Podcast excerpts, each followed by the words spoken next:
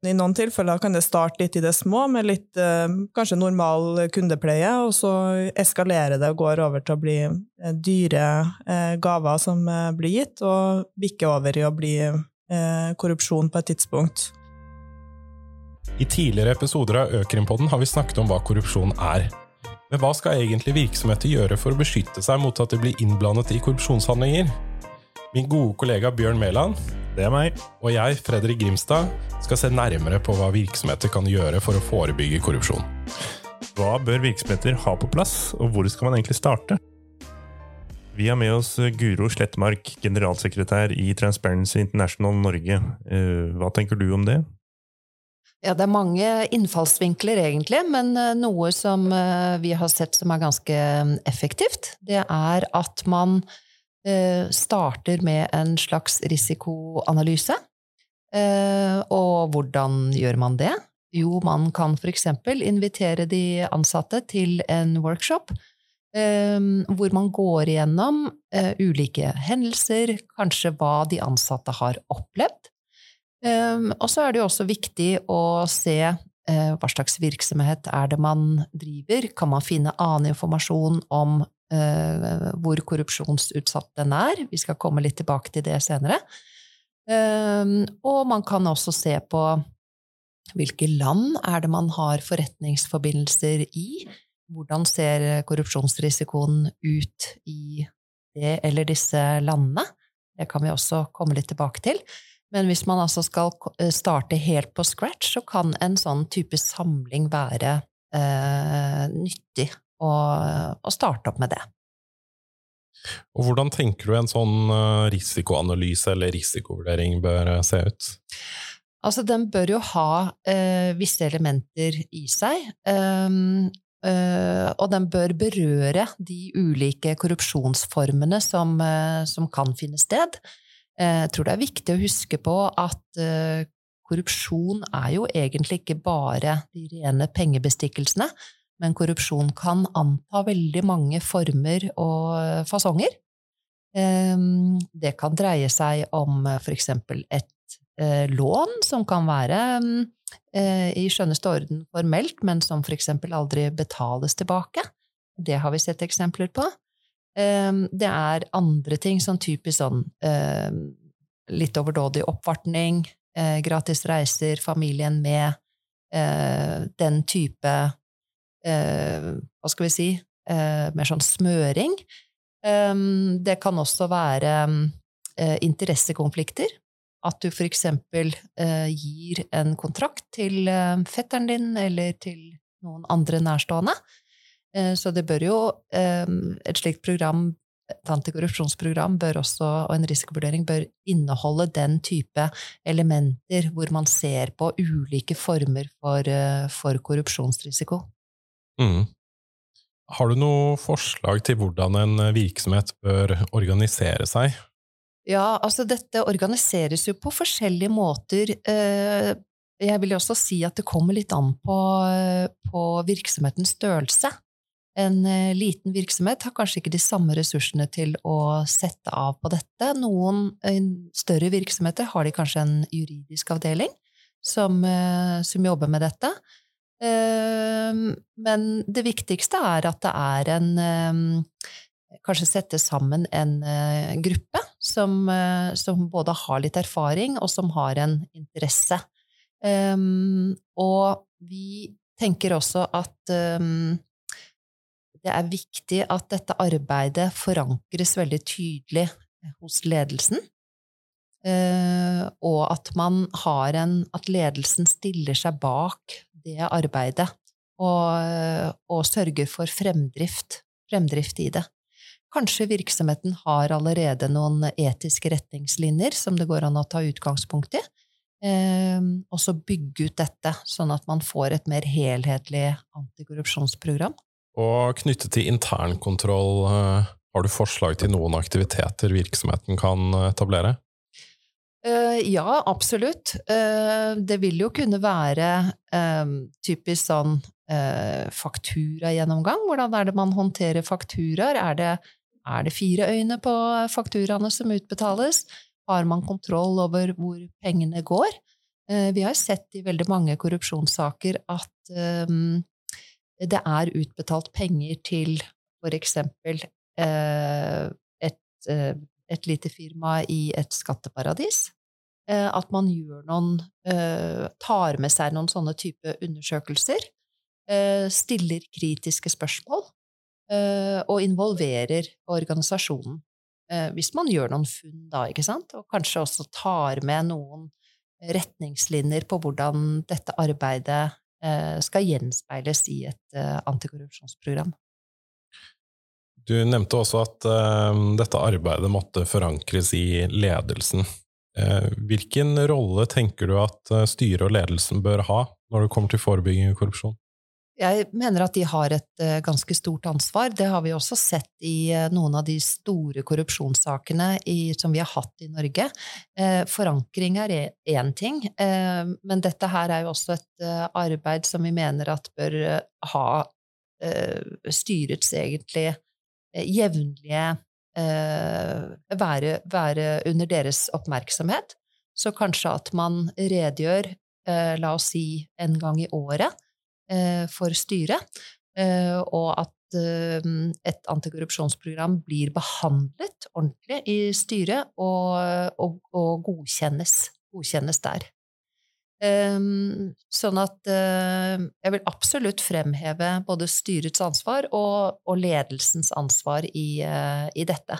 Det er ikke noe som, som noen med spesiell interesse på området skal, skal stelle med, men det må være ja, godt forankret, mm. for å gjenta meg selv. Og det er jo ofte et eh, begrep som blir brukt når det handler om slike compliance-program, tonen fra toppen. Uh, hvilke tanker har du knyttet til det? Nei, det tror jeg er uh, veldig viktig. At det er en ledelse som virkelig stiller seg bak. Uh, og ikke minst også at de opptrer på en sånn måte at de er gode eksempler for uh, sine ansatte. Uh, fordi det er uh, rart med det hvordan en ukultur kan fort bre seg i en virksomhet dersom ledelsen sier noen ting, men faktisk gjør noe annet. Mm. Så det tror jeg også er veldig viktig å ha med seg, at, at man skal aldri undervurdere ledelsen som Eh, rollemodeller for virksomheten og for eh, egentlig alle ansatte. Du har vært inne på det at eh, virksomheten bør starte med en risikovurdering når det knytter seg til selve programmet. Men er det noen andre rutiner, prosedyrer eller retningslinjer virksomheten også bør ha på plass? Ja, det er det jo. For det første så bør man jo ha en oppfatning og ha noen retningslinjer på hva gjør vi hvis vi oppdager noe? Eh, hvis det er et eller annet. Eller la oss si at det kommer et varsel. Eh, vi skal snakke litt mer om varsling eh, senere. Men eh, Og et annet viktig element, det er rett og slett konsekvenser for den eller de som er involvert i en eller annen form for korrupsjon, da. At det faktisk får konsekvenser for den ansatte eller lederen som, som begår en, en handling mm. som er i strid med programmet. I en, eh, I en, ideell verden, eh, hvis vi tenker hypotetisk at en virksomhet har alt på plass, alt ser veldig bra ut, men hvordan kan, de, hvordan kan da virksomheten sørge for at eh, ansatte faktisk har kjennskap til og etterlever de interne retningslinjene som virksomheten har eh, implementert? Ja, det er jo der man kommer kanskje tilbake til dette med, med trening og det å sette av tid til, til, diskusjoner. Men man kan jo også tenke seg, la oss si at det er um, en nyansatt som bør få seg forelagt antikorrupsjonsprogrammet, signere på at dette er lest og forstått, sånn at det ikke skal herske noen tvil om hva som gjelder i, i bedriften. Eh, og så er det mm, dette med jevnlig å, å, ta opp og snakke om, eh, om hendelser eh, og om dilemmaer som de ansatte står i, er også en veldig nyttig måte å holde antikorrupsjonsprogrammet liksom mer sånn levende.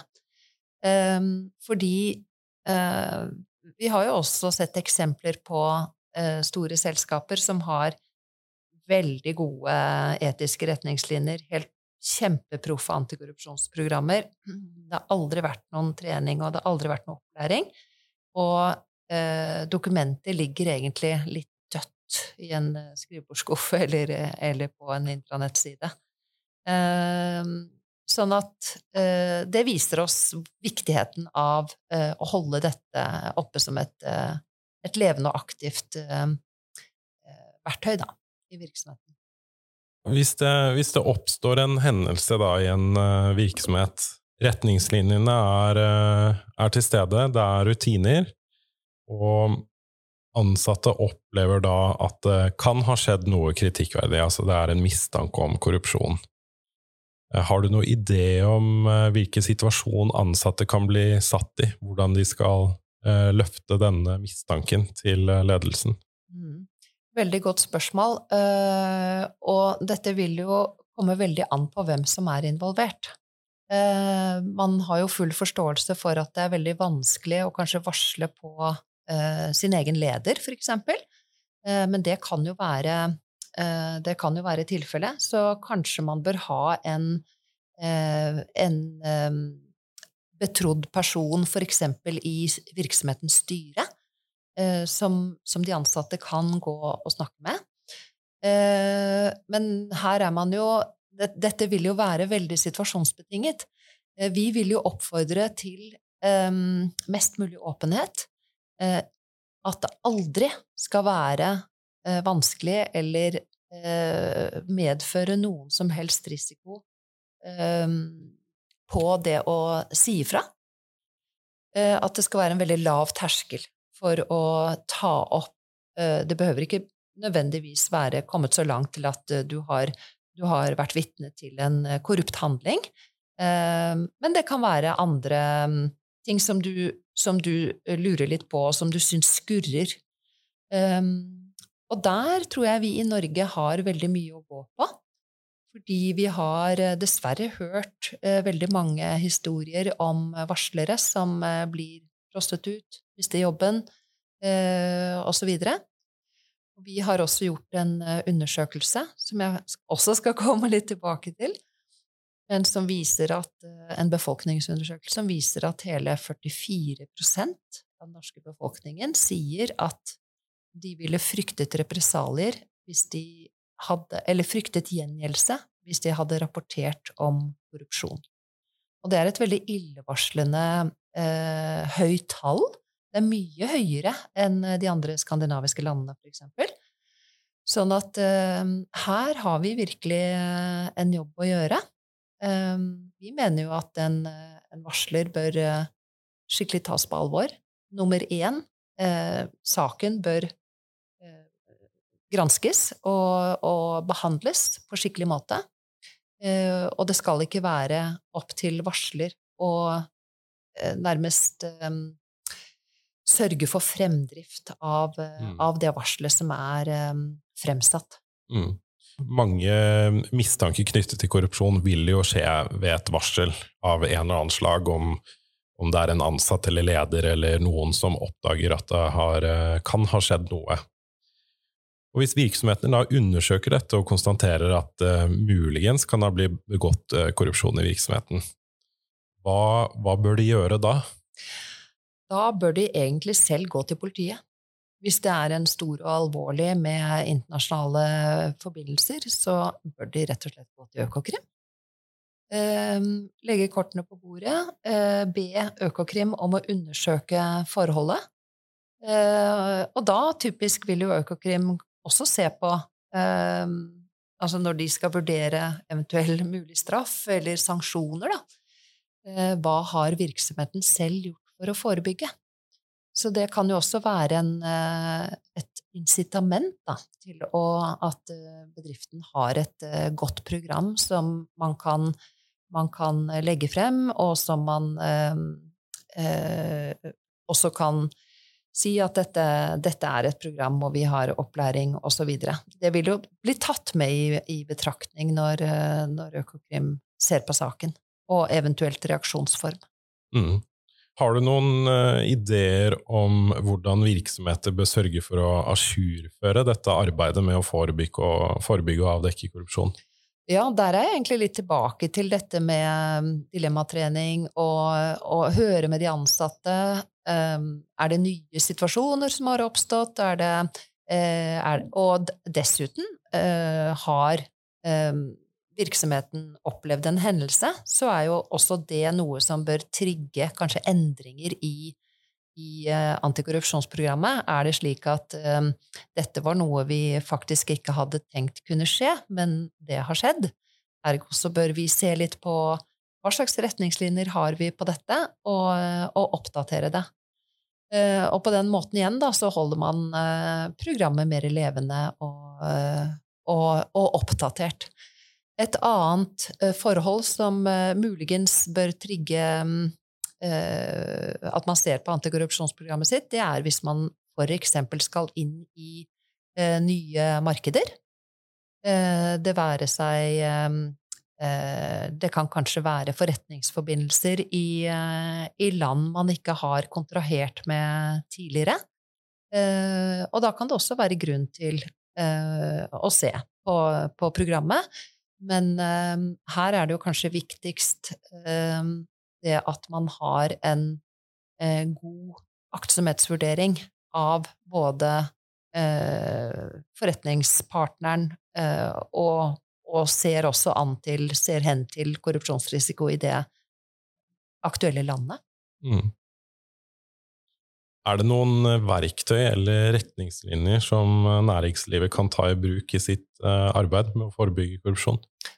Det er det absolutt. Eh, da kan jeg egentlig starte med hva Transparency Norge har utviklet. Vi har utviklet en eh, veldig nyttig håndbok som er proppfull av gode ideer og råd og veiledning til eh, norsk næringsliv. Den ligger fritt tilgjengelig på hjemmesiden. Og det er mye av det jeg har tatt utgangspunkt nå når jeg snakker med deg her. Og så utgir vi også en uh, årlig oppdatert domssamling, hvor vi tar uh, og lager lettfattelig gode resumeer av rettskraftige korrupsjonsdommer, norske dommer. Den er også et veldig egnet verktøy for å se kan, uh, kan dette skje hos oss, hva gjør vi for å forhindre at noe sånt skulle skje? Eh, så det er nyttig. Eh, og sist, men ikke minst, så har vi også en veldig god eh, dilemmasamling. Eh, og den har vi utviklet sammen med medlemmene våre, så det er Størstedelen av de er rett og slett erfaringsbaserte dilemmaer, hvor vi ikke nevner virksomhetens navn, men hvor situasjonen beskrives, Uh, og da kan man jo diskutere ulike handlingsalternativer i virksomheten. Ikke sant? Hva ville du gjort hvis sånn og sånn? Uh, og vår erfaring er at disse dilemmaene de trigger også veldig mye god diskusjon. Det følger også en, et veiledningshefte, sånn at man kan holde kurs i sin egen virksomhet. Disse dilemmaene har også ulik vanskelighetsgrad. Så begynner man helt på scratch, så kan man kanskje begynne på eh, noen dilemmaer som ikke har så høy vanskelighetsgrad. Men hensikten med disse er at det skal være gjenkjennelig for mange.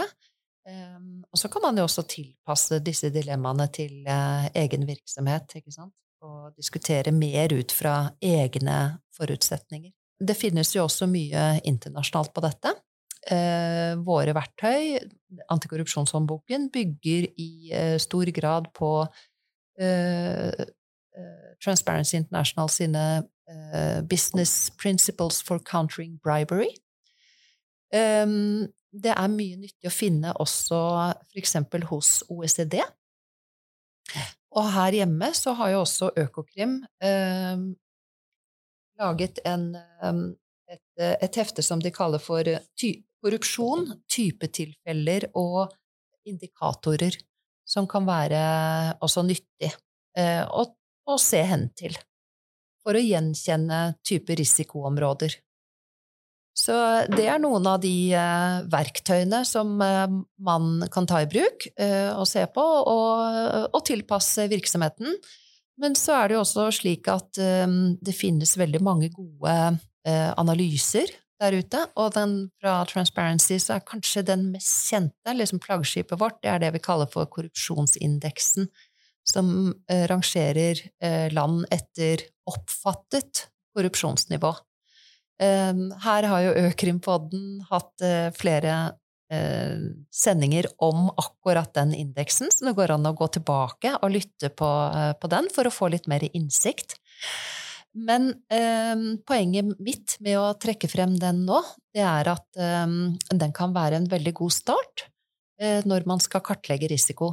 Eh, fordi at den kan si noe om oppfattet korrupsjonsnivå i et land.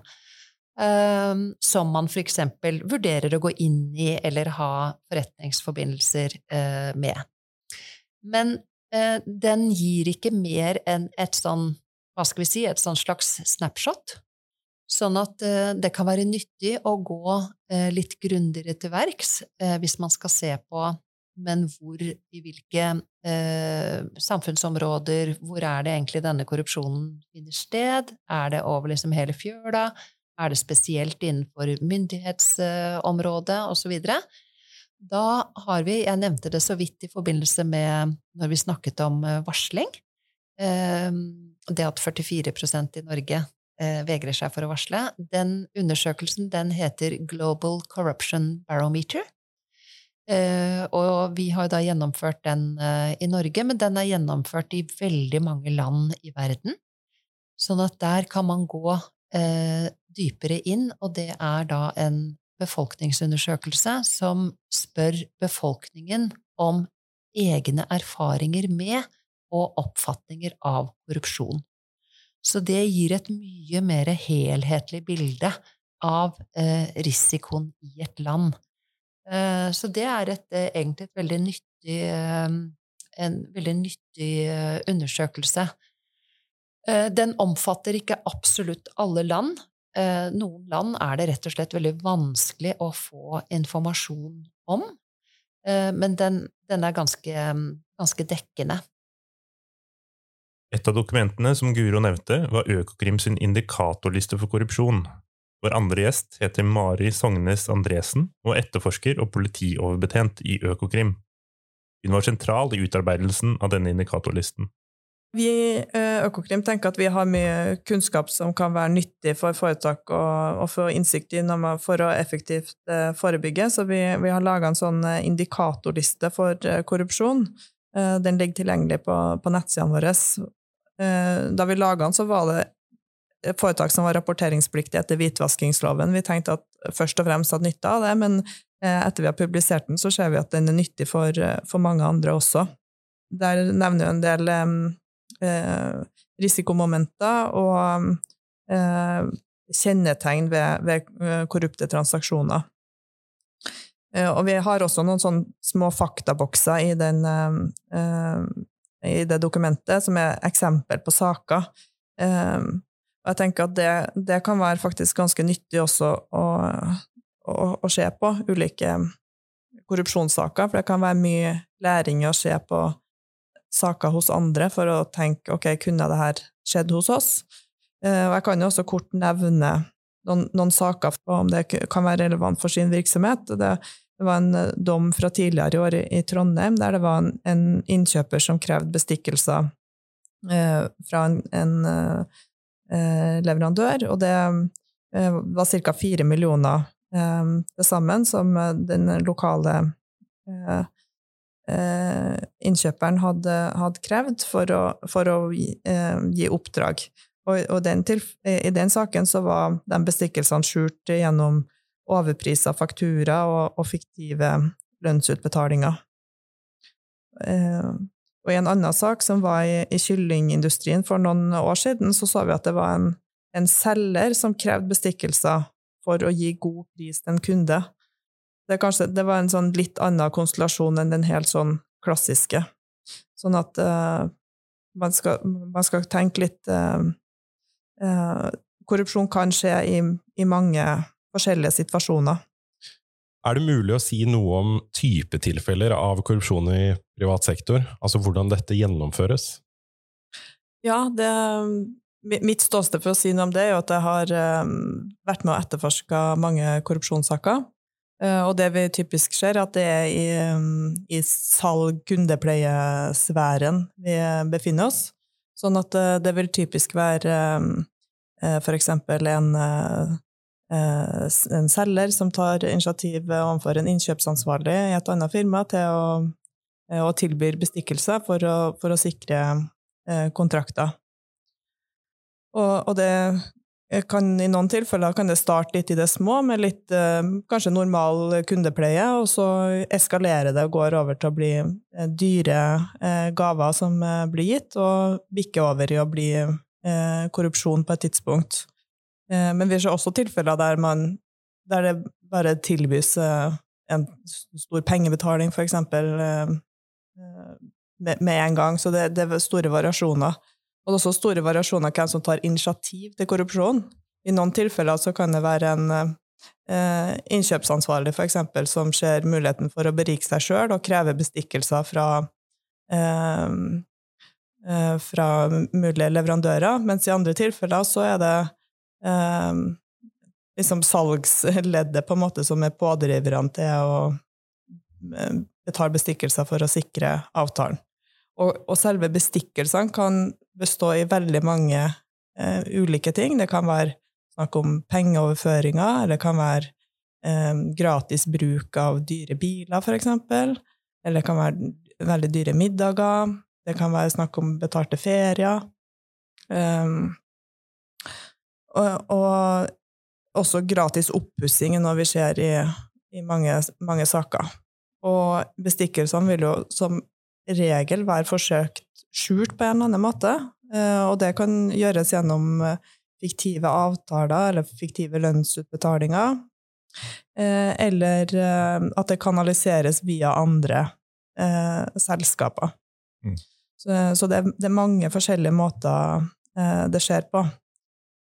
For private aktører som ønsker å forebygge korrupsjon i egen virksomhet, kan det være lurt å få et overblikk over risikoen som virksomheten er eksponert for. Hva skal en virksomhet se etter i den sammenheng? Du må starte med å forstå din egen risiko. Og det handler jo litt om å forstå hvilke verdier har vårt selskap som er av verdi for andre. Altså vil det være ting som er viktig for andre, som kanskje gjør at noen andre vil betale bestikkelser for å få et eller annet fra oss. Um, og, og, og, det handler om å, å, forstå egen sårbarhet i forhold til hva kan en eventuell utro tjener hos oss um, bruk for å berike seg sjøl. Så det kan være litt ulike um, Det kan være greit å tenke begge de tankene, da, for det vil lede til litt ulike tiltak. Og vi ser jo at noen bransjer er mer utsatt enn andre, men korrupsjon kan egentlig skje eh, overalt. Sånn at det, eh, noe, altså Selv om man kan se at uh, olje- og gassnæring er mer utsatt enn andre næringer, eksempel, så skal, hvis man ikke befinner seg i en risikonæring, så skal ikke man dermed tenke at korrupsjon ikke kan skje. Um, korrupsjon er ikke veldig utbredt i Norge hvis vi sammenligner oss med andre land, men det skjer her også. Um, sånn at det er all grunn til å ha gode forebyggende tiltak uansett uh, hva man uh, gjør. I denne indikatorlisten så nevnte du jo nå allerede dette med bransje. Er det andre eh, si, risikomomenter dere ser det, det, er jo laga av andre enn oss, da, um, indekser over geografisk risiko. For det er jo en kjensgjerning at eh, en del Det er veldig ulik eh, risiko for korrupsjon i ulike land. Så klart, opererer man i i land som er, der korrupsjon er veldig utbredt, så må man jo være ekstra på vakt. Um, og så er det også noe, Vi skisserer også noen situasjoner der man er mer utsatt. For det eksempel at man er ny i et marked, eller at man er, har en virksomhet som er avhengig av få og store kontrakter. Um, I noen saker vi har etterforska, kan vi se at det er et veldig stort sånn avhengighetsforhold mellom en, eh, et selskap er helt avhengig av et annet selskap, f.eks. At uh, et selskap egentlig har bare én kunde er klart, Da blir det veldig viktig for det selskapet å sørge for å ikke miste eh, den ene kunden. Eh, og det er jo en situasjon som kan være sårbar for, for korrupsjon fordi oppsida er så stor, da. Eller nedsida er så stor, kan man også si. Mm. Private aktører som ønsker å forebygge og forhindre korrupsjon i egen virksomhet, hvor eh, tenker man at man bør starte? Hvordan bør man gå frem? Ja, og Der må jeg bare ha en liten disclaimer. at jeg er politiutdanna og har, eh, ja, har, studert litt i tillegg også, men eh, compliance og lage gode compliance-programmer det er et eget fagfelt som andre enn meg kan, kan bedre. Men det er klart, når jeg har etterforska mange korrupsjonssaker, så har jeg et, uh, fått et innblikk i det, uh, og ser hva som uh, fungerer, og kanskje særlig det som ikke har fungert. da. Man er jo opptatt av konsekvens ofte når man snakker om forebygging, men det er gjort noen undersøkelser på hva, folk, hva potensielle lovbrytere egentlig evaluerer som viktig. Er det konsekvensen eller oppdagelsesrisikoen? Og da er oppdagelsesrisikoen evaluert høyere. Så, så det, det, må, det, kan man jo slutte at det er viktig å ha et system der det faktisk er en risiko for å bli eh, tatt, rett og slett. Um, sånn at det å ha gode interne eh, Eh, varslingskanaler er jo veldig viktig, eh, sånn at det, man kan si fra om ting. Eh, og at det er så, og alle beslutningsprosesser internt bør egentlig være veldig transparent og, og åpen. Um, og, og det, når det gjelder avdekking av korrupsjon, så er det flere saker som blir avdekka med egentlig ikke at man mistenker korrupsjon i utgangspunktet, det er kanskje noen andre ting som noen har reagert på. F.eks. for eksempel at det er tatt noen beslutninger man syns ikke gir mening. Ehm, eller at det er en ukultur, eller sånne ting. En god forebygging av korrupsjon vil egentlig si at det, det, det, det gjør også mye annet bra. Eh, og det er klart, sånne tiltak skal ikke du sette i gang bare for å forebygge korrupsjon. For eksempel om en ansatt har blitt spilleavhengig, da. Eh, eller en, en ansatt lever over evne. Det, det, er jo et problem i seg sjøl, men det, det, kan i noen tilfeller der vi ser at det, i noen tilfeller den type eh, varsling om den type forhold eh, ført til at man har avdekka en korrupsjonssak. Da. Men det er viktig at det er en realitet i de retningslinjene man har, at det faktisk er noe som man eh, som ansatt opplever at er faktisk prioritert av, av ledelsen i selskapet. Det er klart, jeg, jeg, snakker jo med folk om korrupsjon på, på jobb og privat, holdt jeg på å si, og jeg har jo møtt flere som opplever sånn type krysspress. da, Man har en Det er nulltoleranse for, for korrupsjon, men samtidig så blir man bedt om å vinne en kontrakt i et kjempekrevende miljø, og, og ledelsen har ikke noe lyst til å vite hvordan du gjorde det, bare vite at du vant kontrakten. Um, og det er klart, da, da, da kan man jo stille spørsmål hvor reell den um, uh, nulltoleransen er, da, og hvor mye realitet det egentlig er i, uh, i den retningslinja. Og en, en, liten kommentar til det her med nulltoleranse, for det, um, det har de fleste selskaper nulltoleranse for korrupsjon. Selvfølgelig. Det ville vært rart om man hadde vi tolererer én sak i året eller et eller annet sånt. Um, men det, det uh, Jeg, jeg syns det er viktig at man, hvis i den grad man opererer i et miljø der det er mye korrupsjon, da, um, typisk i et høyrisikoland, så, så tenker jeg at det er viktig at man som, som leder, hvis man sier nulltoleranse for korrupsjon, så må man også gå inn i de dilemmaene det medfører. Uh, og være klar over at det er det du gjør. at hvis du uh, uh, for eksempel skal losse last i en havn der det er, der det er veldig mye korrupsjon, så kan du regne med at uh, du blir avkrevd en bestikkelse på et eller annet nivå. Og da, og da tenker jeg på at da skal man kunne snakke om det, og hvordan man takler det. Uh, eller tilfeller der man skal inn med nødhjelp i et uh, krigsherre område og bli avkrevd bestikkelser på, på, veien. Hvordan takler vi det faktisk? Det, det er et ganske heftig dilemma, ikke sant? For at det, korrupsjon skal effektivt forebygges, så tenker jeg at man skal, um, skal snakke, snakke, om sånt. Ikke bare, ikke, ikke bare, si 'nei, vi har nulltoleranse, jeg vil ikke høre om det'. Um, i, i, noen miljø så er det naivt å tenke at man ikke, blir, ikke på et tidspunkt vil bli tilbudt en bestikkelse, eller bli, av, bli krevd en bestikkelse av. Du har jo nevnt dette med sårbarheter. Kan du si hva det kan være for noe? I, bakgrunn av å ha etterforska mange korrupsjonssaker, så har jo vi i Økokrim eh, skjedd en del ting som, eh, som går igjen eh, litt, da, og det eh, som kan være ting å, å, tenke på når man utarbeider eh, forebyggende tiltak. Og det én ting er å ikke la folk være alene om en oppgave. Vi, vi, vi ser en del tilfeller der det er begått korrupsjon, der én person har sittet veldig alene med en oppgave. Det kan f.eks. være en, en selger som har bare oppnådd helt fantastiske resultater, og uh, ingen andre skjønner hvordan det var mulig.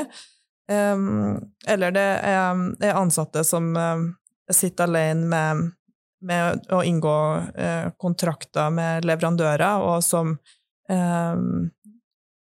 får på en måte mulighet til å, til å, bygge opp en korrupt relasjon med dem. Da. Sånn at det å rotere på oppgaver, for eksempel, tenker jeg kan være uh, effektivt for å forebygge. Um, og så er det å ha klare retningslinjer for habilitet og rollekonflikt. Um, det er min, erfaring fra etterforskning at det skjer noen tilfeller der folk faktisk sklir litt inn i, i korrupsjon. Altså man starter kanskje i, med, med, ting som er ok, altså uh, høflighetsgaver og så videre, og så uh, blir man øker det på, og man blir til slutt dratt inn i noe der man på et eller annet tidspunkt har, har mottatt f.eks. Så, så store eh, fordeler fra en fra en, en, kunde at det er et, er et, problem, at man er over i, i det som vil være korrupsjon. Sånn at å ha klare eh, regler for det, for habilitet, rollekonflikt, og snakke om hva som er, hva er greit og ikke greit i forhold til relasjon til eh, personer utenfor eh, selskapet, det, det, tror jeg er veldig lurt. Er det annet eh, arbeid dere jobber med?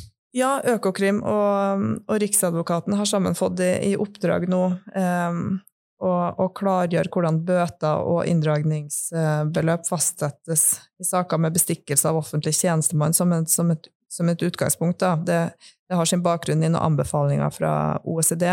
OECD har kommet med noen anbefalinger til Norge. Eh, så Økokrim er i gang med det arbeidet, eh, som, som, vil pågå utover neste år. Eh, og, og, tanken da er at det skal resultere i noen retningslinjer, sånn at det skal være eh, mer forutsigbart enn det er i dag, hvordan man eh, beregner eh, inndragningsbeløp og bøter mot foretak eh, i korrupsjonssaker. Eh, og, og, det er også tenkt at man skal ha eh, mer offentlighet rundt vedtatte forelegg.